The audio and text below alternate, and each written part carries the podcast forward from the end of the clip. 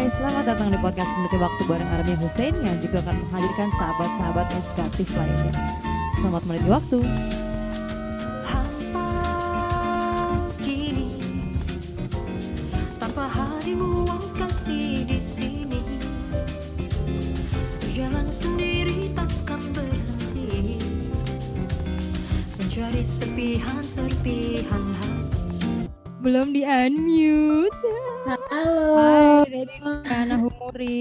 Kabar?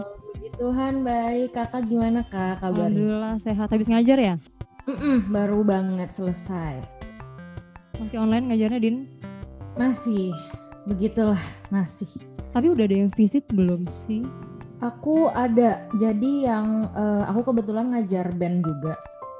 Nah itu udah udah offline. Karena kan kalau band kan nggak bisa dibikin online gitu masing-masing dari Oh Zoom gitu.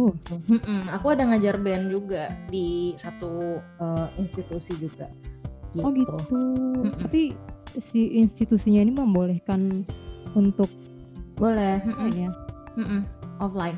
Tapi rapid test enggak sih eh protokol sih. protokol ya? Mm-mm, protokol. Alhamdulillah anaknya udah yang agak gede. Mungkin kalau Mm-mm. anak kecil kayak masih larian gitu kan. Jadi kayak lu Iya. Susah meganginnya. Kebetulan kalau misalkan yang apa namanya yang kecil-kecil itu ya online. Aku kan banyak kan sebenarnya eh, murid-murid anak kecil kan. Mm-mm. Nah itu online semua. Memang di onlinein semua. Gitu. Oke. Ada sih satu private yang aku dateng. Cuman eh, kadang-kadang juga kayak online aja deh gitu. Orang tuanya masih takut-takut nggak takut gitu. Iya, tapi yang penting mereka tetap semangat buat main musik nggak masalah lah ya. Jadi kamu juga semangat ngajarnya. Masih semangat. Iya kita harus semangat. Dalam masa di pandemi pandemi. Gila Iya. Dika, gue itu ngefans banget sama lo semenjak pertama kali kita ketemu. Di mana inget nggak ketemu pertama kali? Orkes. Iya bener. Kayak itu udah ini kayak ih gila. Gue belum pernah ketemu pemain keyboard cewek cewek sebenarnya yang bisa main di orkes gitu kan. Terus kayak penasaran ini anak mana sih? Oh ternyata anak UPH ya kan. Soalnya kan itu juga orkesnya si Eh, Om itu kan. Iya betul. Iya, ceritain dong gimana sih pertama kali bisa suka sama musik? Terus apakah dulu les musik dulu atau umur berapa sih lo mulai kenal musik?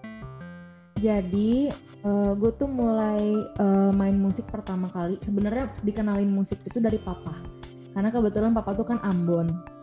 Jadi Oh. ya orang-orang Ambon kan suka musik banget ya. Eh, dan kebetulan opa gue itu adalah salah satu eh, musisi pertama di Ambon.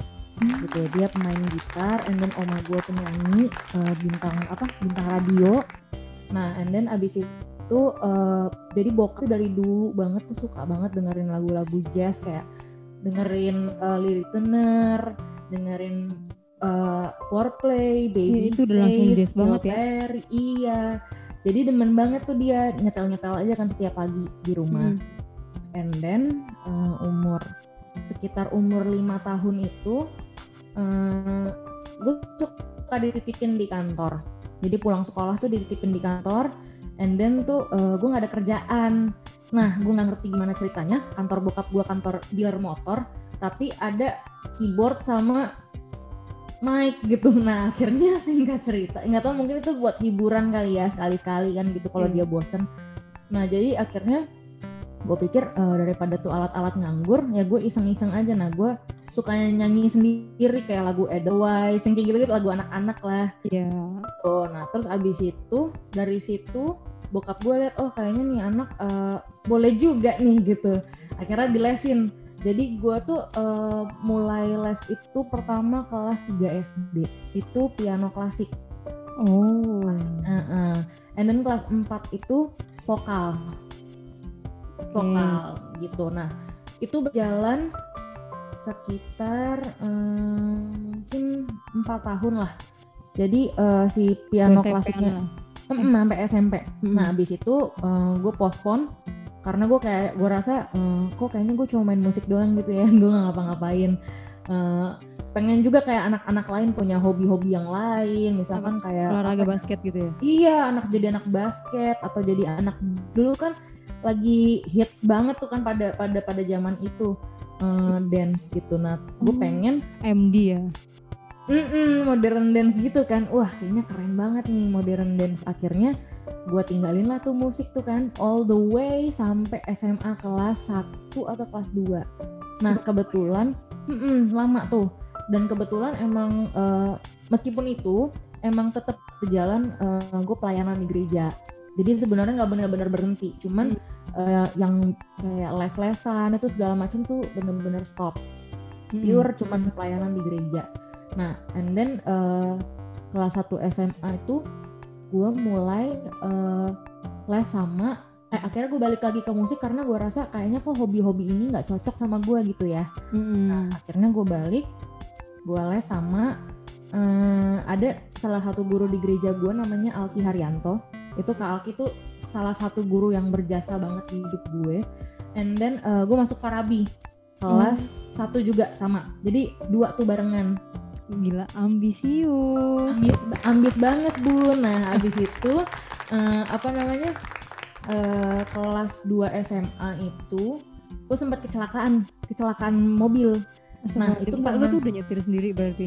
Mm-mm, udah tapi eh, kecelakaannya bukan sama eh, maksudnya bukan gue sendiri sekeluarga Oke. waktu itu nah and then tangan gue patah Hmm. Tuh, nah akhirnya gue waduh gue lanjut musik nggak ya nih gitu nah tapi di situ gue udah tekad tuh kayaknya gue pengen kuliah musik deh gitu kayaknya seru nih kalau kuliah musik karena kan dulu mikirnya ah kayaknya gue cuma main-main piano doang nih gitu kan kalau kuliah musik nggak ada Iya. matematika nggak ada mungkin nggak ada pelajaran IPA atau pelajaran apa gitu kan nggak nggak dipikirin gitu ya nah terus Mm. singkat cerita abis patah tulang itu eh gue agak sedikit eh, kayak step back lah. Gue kayaknya aduh kayaknya males banget deh nggak bisa deh nih kuliah musik. Maksudnya masih ulang dari awal lagi dong kita segala macam hand gripnya apa segala macam nah jadi eh, ya udahlah gitu. Nah gue sempat apply buat psikologi karena kebetulan gue juga punya eh, interest ke situ Nah Mm. ternyata gue doa doa sama Tuhan, gue kayak Tuhan gimana nih? Tapi gue passion gue tuh gue seneng banget main musik. Gue lomba-lomba band, ikutan festival gitu gitulah pokoknya. Habis itu eh, lah dijawab lah ceritanya gue dapat di UPH. Nah, and then gue jadi bimbang kan kayak gimana nih ya mau pilih yang mana ya mau pilih yang mana. Nah tapi semakin lama tuh bener-bener semakin diarahinnya tuh ke sana gitu ke musik gitu. Ditunjukin Akhirnya- sama Tuhan ya. Mm-mm, ditunjukin sama Tuhan bahwa oke eh, lo harus ke musik nih gitu. Nah eh, akhirnya ya udah enroll dah ke UPH gitu. Ngambilnya eh, piano jazz and pop gitu. Oke, tapi majornya oh piano terus vokal minor atau gimana tuh? Vokalnya minor waktu kuliah minor, cuman vokal eh, minornya vokal klasik bukan vokal vokal pop gitu. Karena nggak nggak tahu deh waktu itu eh, kan audisi gitu kan sistemnya dia. Mm. jadi jadi audisi eh, terus gue nggak tahu kenapa kenapa dapetnya di vokal klasik gitu juga nggak ngerti sih sebenarnya gitu Jadi tapi akhirnya diambil aja menentukan- deh Yang menentukan boleh minornya apa tuh si pihak kampusnya, bukan lo yang minta gitu ya? sebenarnya gue sempet ini apa namanya eh, minta vokal gitu ya nah abis itu kan abis minta vokal di audisi tuh Mm. mungkin eh, karena gue juga udah lama banget nggak les vokal jadi mungkin core gue nggak terlalu bagus mungkin ya I know. Jadi akhirnya dimasukin lah ke klasik supaya uh, se- ya. secara teknik di iya di, dilatih dulu. Tapi Iya, habis itu iya. soalnya ada vokal wajib uh, pop tuh ada Oh, mata gitu. kuliahnya, ada mata kuliahnya. Jadi kayak oh gue nggak terlalu nggak terlalu worry gitu karena udah ambil vokal klasik and then ada vokal wajib popnya. Jadi ya ke cover lah semua intinya. keren Gitu. banget. Tapi gue mau nanya sih sebenarnya agak keluar jalur. Tadi waktu ke- abis kecelakaan kan tangannya lo bilang patah kan? Mm-mm. Itu nggak mematahkan semangat lo juga untuk eh, jadi musisi? Terus penyembuhannya sama penyembuhan gimana sih Rin? Eh, jadi jujur eh, sebenarnya awal-awal tuh ya hopeless banget ya. Namanya kan kita udah mau mau eh, kuliah musik gitu udah semangat semangatnya lagi on fire banget terus tiba-tiba ada kejadian kayak gitu gue yakin di mana pun orang berada pasti mentalnya break banget breakdown banget lah gitu. Nah tapi gue selalu gue selalu menanamkan di dalam pikiran gue bahwa kalau eh, Tuhan mengizinkan gue untuk eh, ke arah sana apa pun yang terjadi apa pun yang harus gue lewatin pasti Tuhan akan kasih jalan keluarnya gitu. Eh, tepat pada waktunya. Pas pas latihan sih jujur tersiksa banget ya karena kan kita jadi balik kayak anak TK lagi gitu kayak yang belajar ininya lagi apa hand gripnya lagi belajar fingering lagi. Ya fingering sih masih inget ya. Mm-mm. Eh, tapi kan teknik kan pasti rusak banget serusak rusaknya gitu. Nah itu yang emang struggle sih cuman ya memang em, musisi itu kan memang dilatih untuk disiplin ya jadi ya Hmm. udah kita ikutin aja sesuai dengan apa yang harus dilakukan sampai eh, mencapai goal tersebut gitu jadi ya kalau dibilang struggle struggle cuman eh, harus dijalanin aja sih Iya. intinya kemauan yang tinggi ya jadi Mm-mm. apa pun yang terjadi pokoknya gue mau latihan terus hajar terus. Tapi untungnya alhamdulillah bisa balik lagi. Seneng banget iya benar. Iya makanya. Puji Tuhan. Makanya jadi eh, ya eh, puji Tuhannya sih balik lagi gitu. Karena kalau enggak kan juga ya mungkin gue sekarang nggak akan ketemu sama Karnia juga kali ya. Iya iya mungkin iya. jalannya beda gitu ya. kalau gue belum pernah sih denger orang yang kayak udah sebenarnya itu kan secara fisik ya. Iya. Udah rutin, tapi terus lo kayak aduh gila keren banget tepuk tangan Indonesia untuk Dinka oh bang sorry ada efeknya nggak? Eh, kalau ada efeknya boleh ya? bentar ya gue ngulik dulu Oke, ini kulik gue sejago lu ngulik ini ya cuy di awe maaf ya Eh sama juga nggak juga nggak jago loh ngulik DAW-nya. kalau bohong Aduh. next pengalaman kuliah musik kan tadi majornya piano terus Mm-mm. minornya vokal lu udah tahu belum sih bakal mau jadi singing pianis Belum. Jujur Oh, belum. Karena karena eh, gue bukan orang yang pede bernyanyi sebenarnya. Eh, jadi jadi eh, apa bernyanyi itu cuman kayak ya gue seneng di kamar aja gitu. Sambil main piano kalau lagi bosen ya cuman buat selingan aja kalau gue mumet latihan piano oh ya udah sambil nyanyi deh gitu. Lagu-lagu pop aja gitu nggak bukan juga lagu-lagu jazz yang susah-susah gitu. Tapi eh, ya gitulah entah kenapa vokal ini jadi menarik aja gitu tiba-tiba. Enak ya. Buat Mm-mm. jadi katarsis gitu ya menyalurkan ekspresi iya Yang bener bener banget. Bener bener banget. Begitu kurang lebih. Jadi eh, lu tahu lu mau jadi singing pianis itu kapan? Apakah setelah lulus kuliah? Setelah setelah. lulus kuliah. Mm-mm, bener-bener setelah lulus kuliah. Karena eh, apa namanya sebenarnya bokap sih jadi kayak eh, bokap tuh encourage gue banget. Dia bilang kamu kan bisa nyanyi gitu. Kenapa nggak eh, talenta yang kamu punya itu kamu eh, pakai untuk nunjukin ke orang supaya jadi orang-orang jadi berkat buat orang-orang juga gitu intinya. Jadi balik lagi ke situ sih. Pasti kayaknya sisinya rohani banget ya gitu.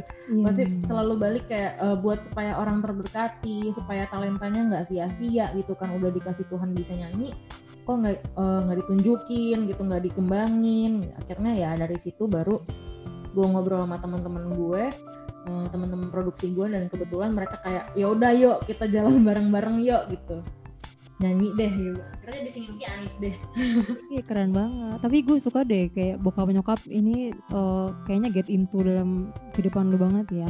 Mm-mm, bener-bener Apa mereka tahu tuh setiap kegiatan yang Dinka pilih, bener ya? Iya benar banget itu benar banget. Emang emang mereka tuh eh, jadi waktu dulu mau even mau kuliah musik pun eh, kalau orang-orang lain tuh kan kayaknya berat banget ya gitu. Kayak biasanya kan orang tua stereotipnya tuh kayak ngapain sih lo kuliah musik? Buat apa sih lo mau jadi apa sih? Dapat duit dari mana gitu lo mau kuliah musik? Tapi orang tua gue puji Tuhannya tuh sangatlah suportif dan kayak oh ya udah yang penting kamu tahu apa yang kamu mau kamu udah tahu goalsnya akan ke mana kamu udah tahu kamu akan jadi apa yang penting kamu berguna buat masyarakat udah gitu dikasih Menjadi berkat buat orang lain. Mm-mm, Itu betul kata-katanya super sekali. Seneng banget. Eh, tapi Yeay. eh, orang tua berarti nggak ada musisi kan sebenarnya. enggak enggak ada cuman suka hobi Kalau aja mereka akan musik luas gitu, jadi bisa ngarahin elunya Mm-mm. juga nggak salah ya. Iya bener. Untungnya gitu ya jadi bokap gue emang yang bukan seleranya ecek-ecek gitu. Dia emang Iya. yang berat juga sih dari dulu dari kecil tuh dengerinnya foreplay gitu. Udah sampai hafal deh dari dari zamannya apa eh 101 Eastbound terus abis itu Baliran apa ya sampai yang era-era December Dream. Itu tuh kayak bokap gue dengerin banget gitu. Dan ngikutin setiap ngikutin. perkembangan. Mm-mm, Oke, banget. Gue lupa mau nanya apa. Oke, terus kan tadi sekarang sekarang kan lo jadi singing pianis nih. Setelah lulus kuliah, Dinka tuh ada rencana apa sih? Sebenarnya em, kalau nggak pandemi gini, rencana gue adalah S2 Di di Inggris. Kebetulan puji Tuhan banget udah keterima bulan untuk bulan September besok gitu. Nah, Oh, gitu. ambil Heeh, udah udah keterima banget itu baru bulan eh, November. November tanggal 30 itu surat eh, suratnya keluar, Mm-mm. eh, offering letternya keluar, eh, ambil master eh, songwriting di Bath Spa University di eh, Inggris gitu. cocok banget. Mm-mm, emang karena kebetulan gue cukup passionate di songwriting sih daripada eh, kegiatan-kegiatan yang lain ya gitu. Kayaknya gue gue emang seneng banget nulis ap- yang lagu-lagu yang gue tulis banyak.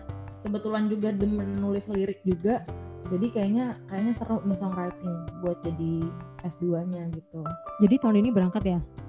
Harusnya. Nah, cuman nanti kita lihat dulu bulan Juni atau Juli karena kan pandemi kayak gini ya eh, bokap nyokap agak takut sih sebenarnya untuk melepas gue ke sana karena kan cara cuaca sama iklim kan beda Betul. sama di sini. Dan kebetulan teman gue pun juga udah ada satu orang yang ke sana basis gue dan dia bilang agak gabut sih di sana jadinya karena pandemi gitu karena kan semua online online learning jadi kayak sama aja.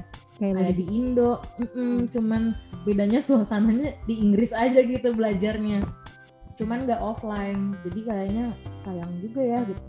Eh, jadi lagi dipikirin sih apakah eh, nanti mau dipospon dulu atau nanti akan tetap berangkat bulan September ini. Kalau nggak gitu. berangkat tapi online boleh nggak sih? sebenarnya eh, yang gue incer dari S2-nya tuh lebih eh, ke environment-nya sih. Oh, Tuh, karena gue pengen eh, bisa eh, collaborate sama eh, orang sana. Habis itu Hmm. kayak ya mengerti karena kan eh, pace eh, work pace-nya kan sama kita kan beda tuh. Nah, Iya, itu value-value yang sebenarnya juga pengen gue ambil dan gue bawa ke sini gitu untuk bantu maju-majuin eh, musisi-musisi yang di sini gitu. Jadi Iya. secara eh, eh, secara environment-nya sebenarnya yang gue incer. Iya gue ngerti. Jadi mungkin kalaupun masih pandemi dan masih segini keadaannya mungkin lo bakal nunda kemungkinan ya. Mm, kemungkinan besar akan menunda lagi. Sebenarnya harusnya tahun lalu gitu, cuman kayak ya sama aja kan gitu. Udah, ma- maksudnya juga lagi marak juga kan pandemi. Iya. Jadi ya kayak gue pospon pospon terus gitu. ya semoga yang terbaik ya Din. Mm-mm. Pokoknya pengennya waktunya yang yang emang udah pas lah untuk pergi ke sana Ya, gitu. yang pokoknya yang lancar semua juga, yang emang terbaik buat lo gitu ya. Amin. Eh, misalnya nih udah kelar nih S2 nih ya, kita berandai-andai nih eh, ntar Mm-mm. corona eh, bulan Juni aman terus kelar S2 lu mau ngapain lagi? Mimpi terbesar Dinka tuh apa sih dalam hidup? Sebenarnya eh, sesimpel memajukan musik Indonesia. Tapi eh, apa namanya eh, yang dikerjakan pasti banyak banget kan gitu untuk itu gitu. Eh, ya makanya sekarang dari sekarang sekarang ini yang gue lakukan adalah gue eh, memperbesar link sebanyak mungkin gitu. Jadi eh, supaya semua musisi ini bisa gandengan tangan loh buat majuin musik musik Indonesia bareng-bareng gitu.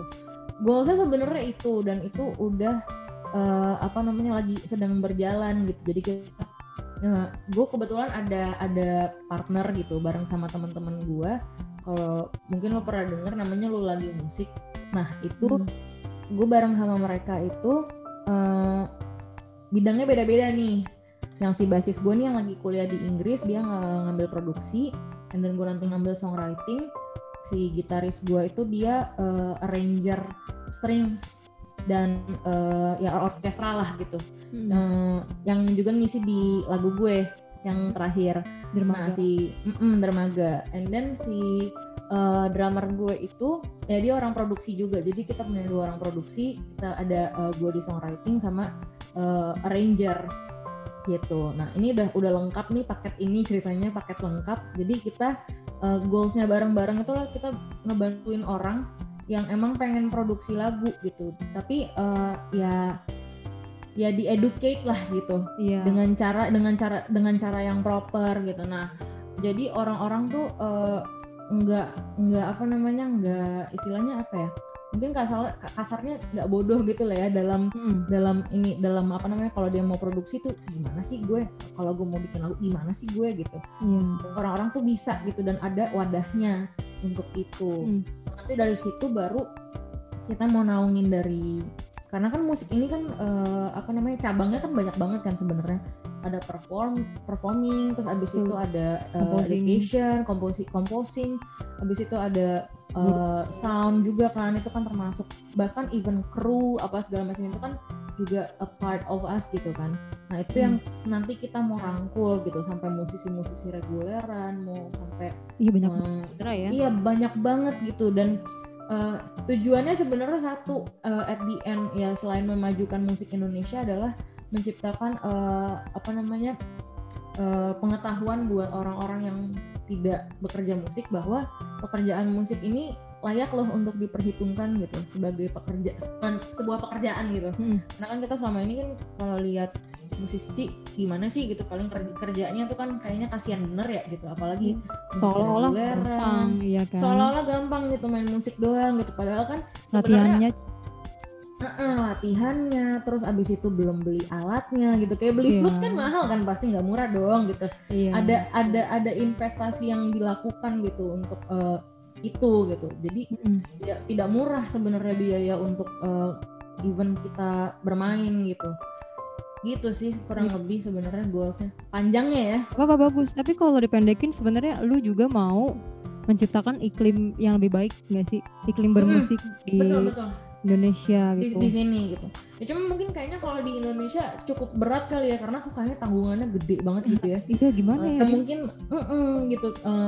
gue sempet bahas sama anak-anak kayaknya tuh nggak akan nggak akan maksudnya kalau kita udah meninggal tuh juga belum beres kali gitu. Cuman iya at least kita bisa punya satu komunitas yang di mana merangkul semua musisi dari eh, segala apa ya segala pekerjaan segala pekerjaan ya jenis pekerjaan Mm. ya even sampai pengamen terus juga harus ada tempatnya kan gitu. Harus ada wadahnya gitu.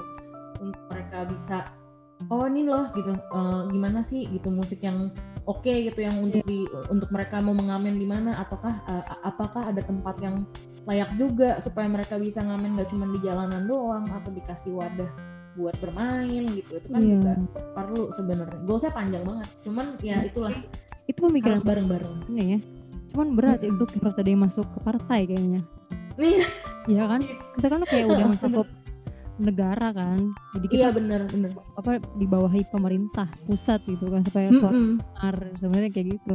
Iya Kan sebenarnya gitu. mana ada yang mau berpolitik gak sih? Eh gue gak ada. Iya.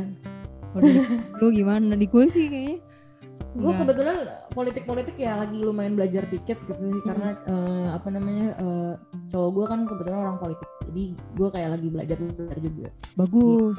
Supaya jadi kalau ada yang punya suara mungkin lu bisa jadi the next Dewan Perwakilan Rakyat sih di komisi yang musik susah juga ya kayaknya sulit juga ya. yang bikin lu ya boleh boleh juga sih itu menarik sih. Ya amin dong amin. Ya Allah, amin amin amin. Amin dulu deh. Tahun lagi ada generasi kita yang bisa duduk di bangku DPR dan apa namanya meminta hak-hak dan royalti hak cipta itu kan sebenarnya belum jalan kan? Iya benar. Itu Iya itu kan? padahal penting banget tuh untuk jalan tuh. Bisa menyejahterakan kita tuh iya sebenarnya. iya banget iya banget. Dan para penciptanya kan sebenarnya iya para pencipta orang- benar Mm-mm. Ya, kacau banget. Aduh, seneng banget ngobrol sama lo. Terus tadi, tadi tuh gue baru dengerin lagu lo, Din. Eh, bukan, Mm-mm. bukan dengerin. Baru dengerin lagi yang Dream. Ya, itu Mm-mm. bagus banget. Terus kayak eh apa ya? Lumayan ini sih, lumayan kena di hati gitu loh. Karena aduh mhm. kayak lumayan ini ya, curhatan juga gitu. Oh, oh curhatan ke Army atau gimana nih Nah, maksudnya itu kayak pengalaman pribadi gue sih. oh sama ya oke Ya, jadi agak sedikit terbawa suasana. BTW itu dari mana sih inspirasinya? Terus lu eh, produce sendiri ya? Eh, kebetulan bareng sama teman-teman yang tadi gue ceritain itu Tapi tetap Produce-nya. yang direct kan? Kayak nah yang direct tuh yang si main bass itu oh, yang si Dion namanya Dion Dion Joko Adi gitu. Kalian bisa lihat di Instagramnya sih. Eh, itu dia oke banget. Dia juga handle si Uap Uap Widya gitu. Jadi Iya. jadi emang emang dia oke banget eh, ngedirect kita arahnya ke mana. Itu semua bener-bener eh, di otaknya dia sih gitu. Si Dream dan Dermaga juga eh, also sebenarnya itu pop ya, tapi manis banget loh. Dan maksud gue Mm-mm. berisi. Lu ngerti kan berisinya itu. Iya berisi. Iya dia emang kebetulan emang eh, yang dia beritahukan ke gue adalah bahwa semua semua elemen tuh harus terisi dengan dengan sempurna gitu. Jadi eh, low-nya harus dapet siapa yang mau jalan, siapa yang mau stay, siapa yang eh, ad- harus ada di tengah, siapa yang ada di high-nya gitu. Yang yang elemen-elemen yang harus stay dan harus jalan itu yang dia pinter banget ngisinya gitu. Jadi jadi itu jadi jadi bener-bener enak banget tuh karena ya si elemennya semua terisi gitu yang jadi penuh gitu kesannya tuh penuh banget gitu. itu dia pinter di situ sih Tapi Dian itu ngalir banget sih. Kalau menurut gue semua lagu lu asik-asik sih Din. Tapi yang pertama emang paling ini ya nyentrik ya. Scene yang mana? Modern jazz. itu itu itu paling itu paling eh, nyebur istilahnya. Kayak jadi emang gua nggak pernah bikin single. Dan Hmm. terus kayak orang-orang udah eh sin direkam dong. Jadi kayak dikompor-komporin gitu sama teman-teman di kampus. Iya eh sin tuh enak banget direkam dong dijadiin single gitu. Artworknya juga nggak niat eh, bikinnya iya pokoknya tuh bener-bener adanya banget. Even musisinya tuh juga belum gue briefing. Jadi kayak ya udah nih main kayak kita main jazz aja udah sikat deh gitu nah Ini live ya. live di tempatnya Om Hari Anggoman live Oh, ide keren banget. Beliau keren Hmm. sekali. Iya, jadi dia guru gue waktu kuliah gue sambil sambil les sama dia juga. Ih, Iya, guru tuh banyak banget berarti dong. Seneng banget iya, deh. gue- Coba iya, coba sebutin. Coba coba. Eh, siapa Ingat aja ya? Eh, dulu sih ada namanya Ari Franky itu eh, pemain piano eh, apa namanya dia is blind tapi bener-bener smart banget orang itu itu eh, orang gereja juga. Dan itu dia yang paling pertama banget tuh. Eh, setelah eh, setelah yang klasik. Nah abis itu eh, si Alki Haryanto terus eh, Mas Arya Aryandi Putra di Farabi kan. Farabi, iya. terus hari yang man udah. Eh, Mas sisanya Aga- guru kampus guru kampus kan kak, kak Joy kak Joy Marantika. Atau agak muter gitu ya berarti ya. Mm-mm. Ganti-gantian gitu ya setiap semester ya. iya. Eh, di mana? Di kampus? Iya. Iya di kampus kalau di kampus aku kak eh, gue tuh Joy 4 semester habis itu kak Sri Hanuraga kak Sri Hanuraga tuh tiga semester terakhir Ramadanisha satu semester doang itu Iya. pindahan pindahan Iya iya, tapi kalau dengar muridnya ke agak eh tapi lo kok bisa sih kayak pasti kan dia ngasih banyak ilmu kan. Terus Mm-mm. Masukin eh, cara gimana cara mempergunakan ilmunya dia di karya-karya Dinka. Eh, sebenarnya Pelajarin Eh, seks. salah satu salah satu pelajaran dari Kak Aga yang paling gue dapat daripada daripada eh, pelajaran tentang eh, gimana cara main apa solo di alter gitu, gimana cara solo di ini di itu itu adalah lebih ke dia selalu bilang bahwa eh, setiap elemen tuh lo harus suka gitu mau lagu rock kayak mau lagu jazz kayak mau lagu apa nah dan itu harus lo ambil masing-masing untuk jadi referensi untuk jadi diri lo sendiri Nah dan Hmm. dan dan dia tuh bukan dosen yang kayak nih materi ini ini ini ini ini ini, ini. Nah tapi dia tuh kayak "Eh, lu mau belajar apa? Eh, Lu lagi ngulik apa? Apa yang pengen lo tahu? Apa yang ini? Jadi tuh dia bener-bener bener-bener ngarahin kita banget untuk menjadi eh, Diri sendiri. iya diri kita sendiri bukan untuk menjadi Sri Hanuraga gitu.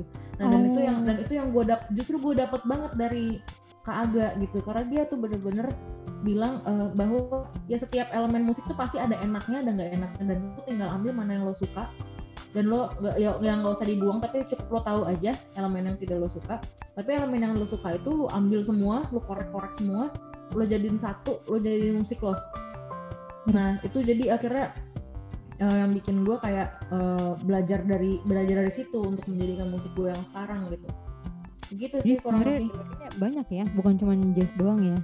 Mm-mm. Cuman kalau gue emang eh, emang karena Kak Aga sering banget ngasih kayak Aaron Parks, kayak Taylor Ice-T, Gretchen Parlato. Jadi ya dengerinnya yang situ gitu. Gretchen karena emang, coy. Mm-mm, karena emang enak gitu. Orang sampai skripsinya juga skripsi Gretchen gara-gara Kak Dia susah Iya. loh. Lo bilang iya. enak tuh berhari-hari buat bilang itu enak. Iya makanya bener Iya. kurang lebih. Iya iya asik asik. Eh bentar Adin, gue liat pertanyaan dulu. Maaf ya, gue uh, Iya, kurang profesional. Guys, gue terlalu. Nggak Kayaknya gue gak pernah ngelis pertanyaan. Oke, jadi, Oke. aduh bentuk gigi gue. Aduh. Maaf Oke, guys.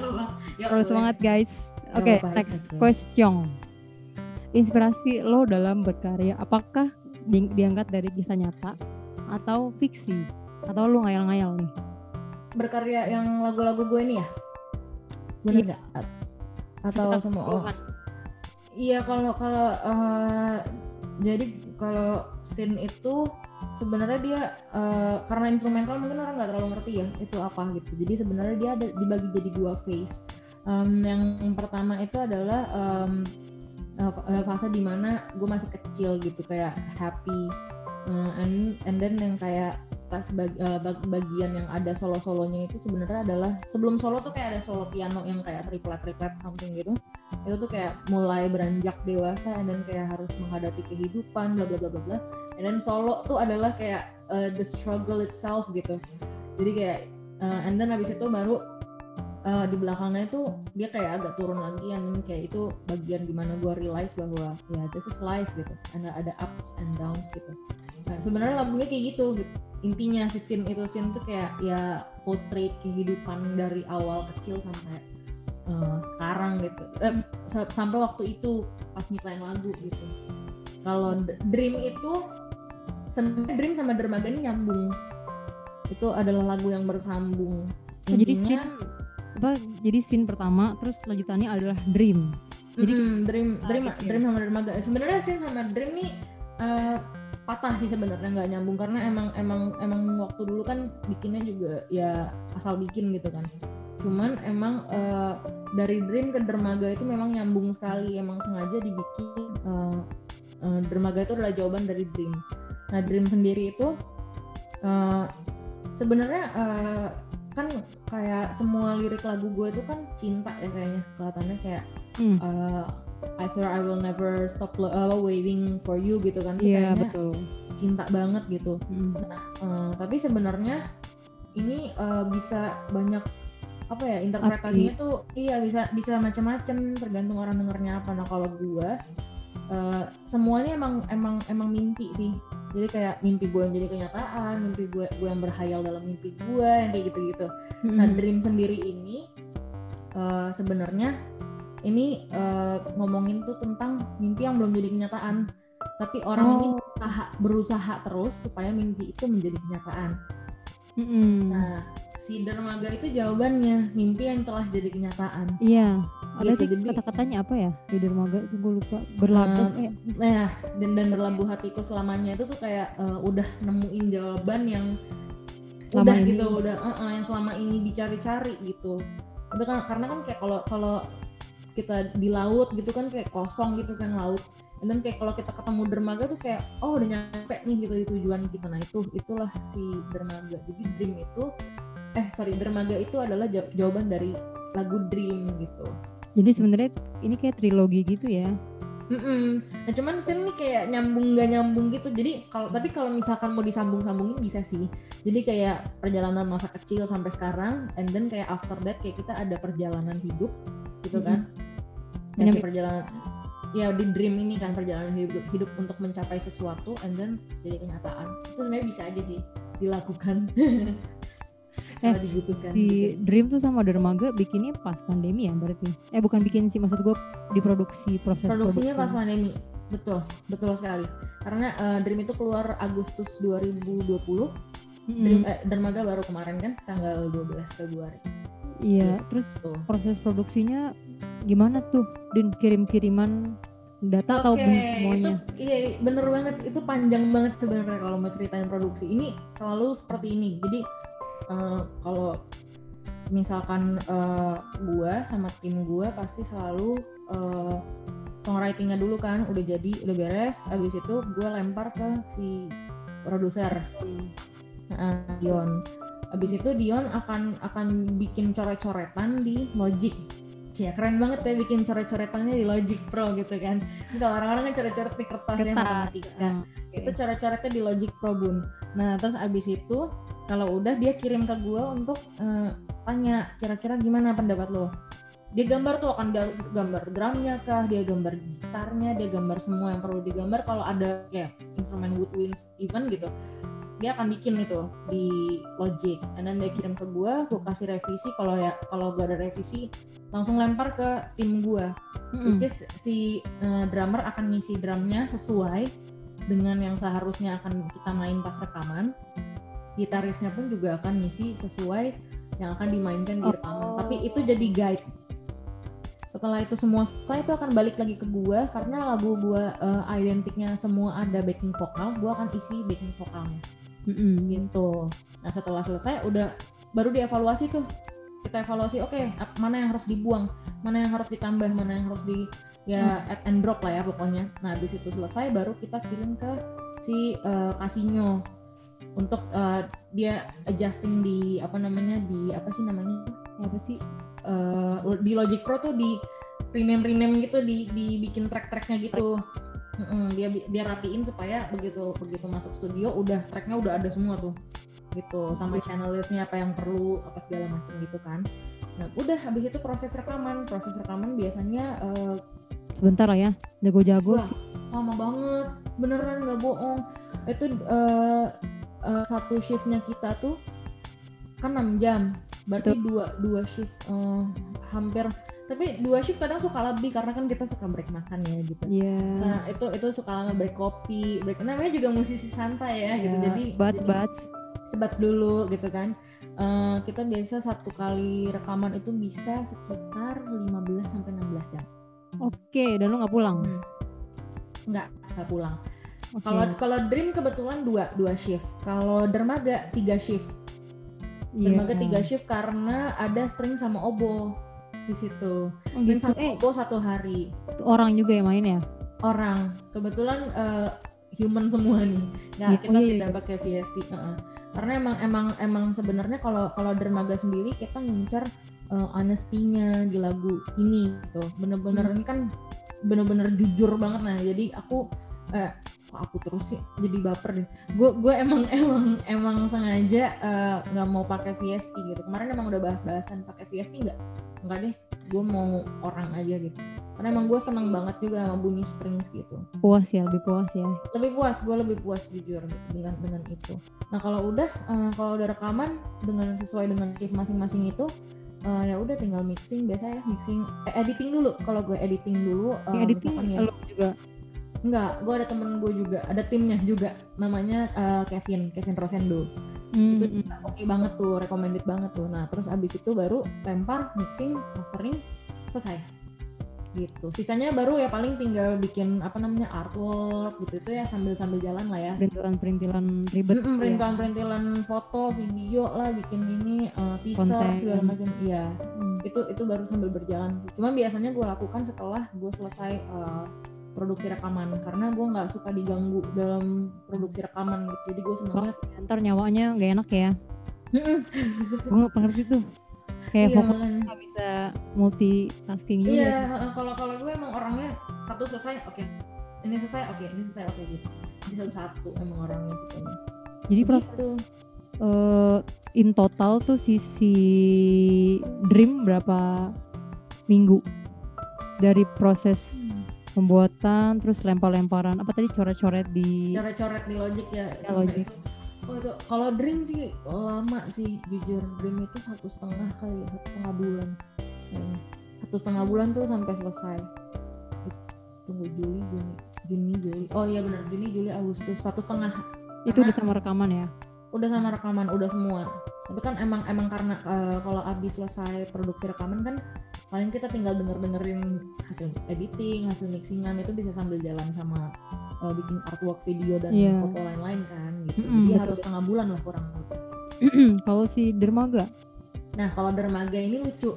Jadi sebenarnya dermaga itu eh, udah selesai dibuat coret-coretannya itu adalah bulan November akhir Nah, and then rekaman itu kan awal Desember, tanggal 8 sama 9 itu baru dua shift.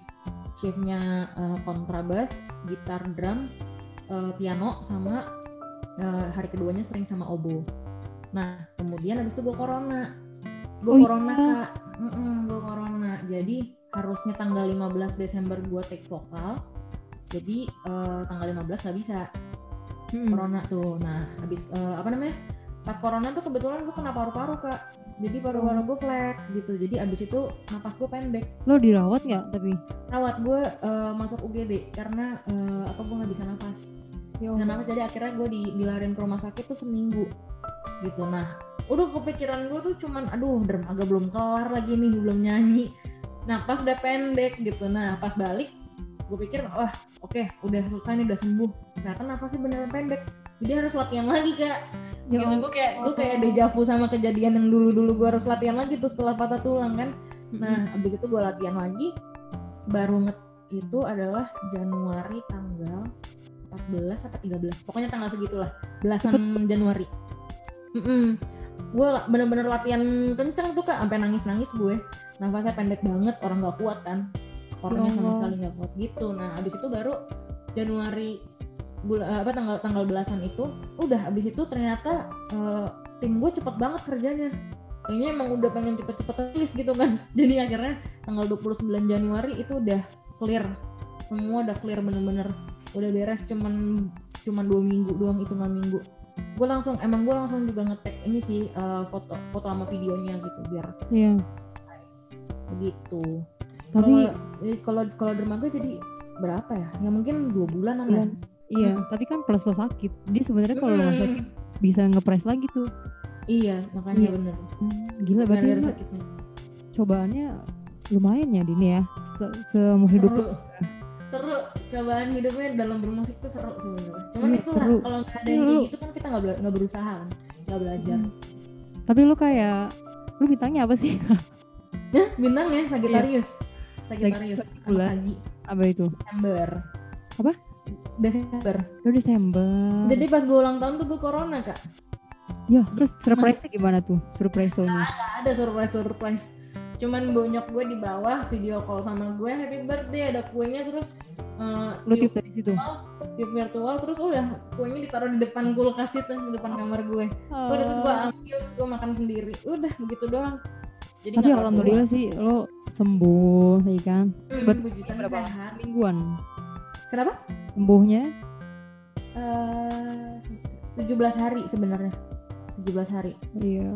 Cepet sih. karena karena gue itu tanggal 15 it- pas banget 15 nya tuh positif jadi 15 positif terus kelar kelar eh, sembuhnya tuh pokoknya 20 pokoknya deket-deket tahun baru gitu Hmm. Berarti sebenarnya Tuhan akan ngasih cobaan ke kita kalau kita mampu itu bener ya. Buktinya nah bener banget lo bisa survive lagi, berkarya lagi. Salut Mm-mm. banget sih gue kayak lu udah nge- Yeay. dua single di corona ini. Oh my god, gue terinspirasi banget dari Dinka. semangat ayo semangat kita harus keluarin single ya, mau banget. BTW gue ada pertanyaan nih. Jadi eh, beberapa orang tuh suka curhat sama gue Din terutama Mm-mm. cewek udah mau cabut ya dikit lagi ya enggak bukan. Ini suara motor tadi. Mohon Oh. maaf teman-teman. Oh, ada suara motor. Oh enggak kan mic-nya ya. bagus ya asik. Waduh amin. Gimana gimana? Teman-teman gue suka curhat ke gue gitu.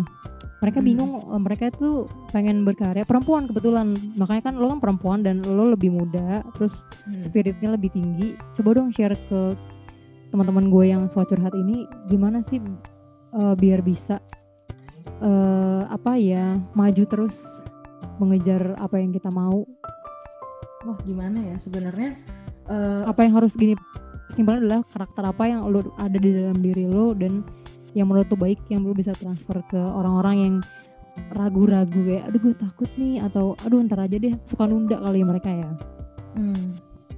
Kalau gue selalu menjadikan kelemahan itu menjadi kelebihan. Kayak gue gitu kayak eh, contoh kayak gue kayaknya sombong banget deh. Gue kayak gue kalau gue contohnya tuh adalah gue sangat tidak pede dalam menyanyi gitu.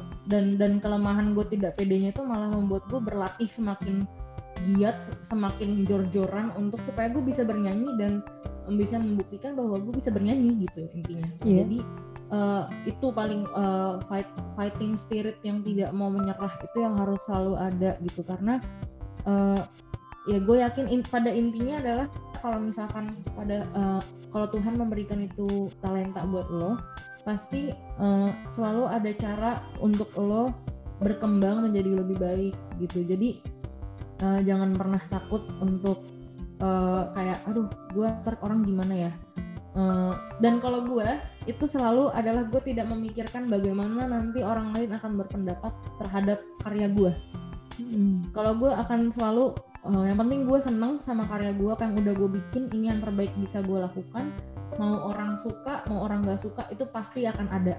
Itu nggak mungkin eh, semua karya semua karya mau mau karya lagu jazz mau karya lagu dangdut mau karya eh, lagu ya apa kayak koplo apa apa apa metal Apa pun itu. hardcore gitu apa pun itu itu semua ada pasarnya semua pasti akan ada yang suka ada yang nggak suka. Yang yang cuma perlu lo lakukan adalah eh, melakukan yang terbaik yang lo bisa. Nggak usah peduli orang ngomong apa yang penting terus berkarya dan jadi diri sendiri. Karena eh, apa namanya ya menjadi diri sendiri tuh hal yang paling penting sih gitu. Dan jangan jangan nyerah cuman kayak kalau misalkan orang bilang eh kurang bagus gini gini. Karena dulu dulu jujur aja kak gue gue juga cover cover kan di Instagram and then kayak orang-orang tuh suka ada yang bilang fals apa segala macam gitu gitu ah nggak bagus lah nggak apa namanya eh, main pianonya juga biasa aja terus nyanyinya juga suaranya fals-fals ya cuman eh, gua rasa eh, jadikan itu sebagai input yang bagus buat kita untuk semakin berkembang aja sih gitu Jadi Jadi ya, challenge ya. Mm-mm, gitu. Eh, Kalau kalau gue emang orangnya suka men-challenge diri gue sendiri sih. Jadi kayak kalau orang misalkan ngasih gue masukan, eh, misalkan kayak bin lu eh, suaranya fals deh. Oh ya udah, oke gue berarti akan gue perbaiki supaya suara gue nggak fals gitu. Tapi bukan untuk dia, tapi untuk diri gue sendiri gitu. Mm. Untuk gue yang lebih baik dari gue yang kemarin, bukan eh, supaya lebih baik misalkan dari Karmia gitu. Karena itu nggak akan pernah bisa karena masing-masing orang tuh unik gitu. Jadi kita nggak perlu berusaha untuk menjadi lebih baik dari siapa atau lebih Mm. lebih oke dari siapa gitu itu sih yang selalu gue tanamin sih gitu selalu percaya diri sama eh, percaya sama diri sendiri gitu intinya gitu diri juga harus di upgrade ya. betul Semua kritik pokoknya eh, bukan untuk jadi kompetitor kita, tapi kita harus baik buat diri kita sendiri. buat sebenarnya. diri kita sendiri betul semua untuk diri kita sendiri nanti kalau diri kita udah oke udah ini orang lain yang bisa lihat sendiri kok gitu nggak perlu nggak perlu susah payah untuk membuktikan apa-apa tapi pasti orang lain akan bisa lihat sendiri Dewasa Gitu. banget. Eh, last question sebelum kita closing. Eh, arti berkarya buat lo apa sih? Hmm, wah susah banget ya arti berkarya. Arti berkarya buat gue adalah eh, karya tuh eh, karya itu sendiri itu adalah eh, wadah buat gue untuk eh, apa namanya supaya orang tuh bisa mengerti siapa gue. Eh, gue nih gue nih eh, musiknya seperti apa sih gitu. Dinka ini eh, pribadinya tuh seperti apa sih gitu. Karena kalau kalau misalkan kayak orang orang lihat gue di maksudnya kayak secara langsung ya itu kadang tuh eh, mungkin nggak nggak sesuai dengan kar- karya gue gitu kayak gue selalu bilang kalau karya gue tuh nggak sesuai banget sama pribadi gue karena gue tuh orang yang sangat ekstrovert gitu loh kak jadi kayak kalau ketemu tuh kayak ah kayak yang heboh orang yang laut banget yang bener-bener super duper fun gitu tapi sebenarnya eh, eh, di karya gue ini gue menunjukkan diri gue yang sesungguhnya gitu Nah, Hmm. jadi karya ini adalah eh, karya ini sebenarnya kalau mau nanya berkarya itu apa sih artinya buat gue? Ini adalah wadah buat gue untuk menunjukkan eh, pribadi gue yang sebenarnya, sisi lain dari gue yang sebenarnya yang orang tuh juga nggak tahu gitu. Gitu sih paling sebenarnya. Ya, jadi dinka-dinka yang melankolis, yang penuh dengan puitis sekali ya liriknya, ya nggak sih? Lo parah Iya. banget. Terus yang mana nih kak? Yang mana nih kak? Yang Semuanya terus gue eh yang yang dermaga juga bagus. Itu bahasa Indonesia kan yang dermaga kan. Bagus, gue suka. Terus yang Dream tadi tahu-tahu dengerin, kok gue galau dengerin lagu ini ya. Baru baru pertama kali Din merhatiin liriknya, terus solo pianonya bagus banget. Aduh, gitu. Simple tapi gimana ya yang tadi gue bilang, kena aja gitu. Hmm. Gue doain semoga akan melahirkan karya-karya yang lain. Amin, amin, amin. Karya juga dong, ayo dong, semangat dong. Kita Iya, aku semangat. dong. Kalau udah ngobrol sama Dinka pasti insya Allah lebih lebih Amin, amin ya. Tuhan. Ya ampun, meniti waktu juga mantep banget loh kak.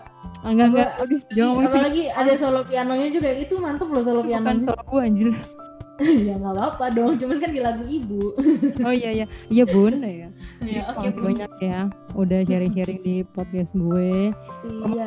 bisa dengerin di mana aja, terus follow Instagramnya di Redinka Nahumuri, R E D I N K A N A H U M U R Y.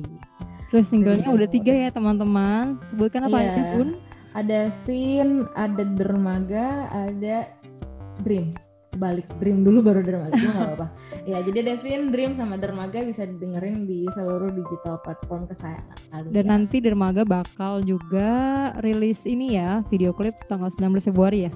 Ih, kok tahu? Iya, Apa? betul Tadi aku udah lihat udah nyari. Kok nggak ada video klipnya? Katanya nanti saksikan apa? Nantikan. Oh YouTube ada Ada ada di YouTube. YouTube sih premier 19 Februari betul sekali Bun. Ya tanggal 19 Februari udah bisa kalian eh, lihat di YouTube gitu. Di YouTube, di YouTube juga sama ya channelnya ada Dinka. Radinka Nahumuri. Betul Oke. sekali. Dinka, thank you banget udah ngobrol. Sehat-sehat terus ya. Terima kasih Karnia Semoga mimpinya diundang. semua tercapai. Amin. Amin Karnia juga. Dadah. Dadah. Thank you for listening podcast Meniti Waktu bareng Aram yang Hussein. Jangan lupa dengerin single Meniti Waktu di platform sayangan kalian. Jaga iman aman imun.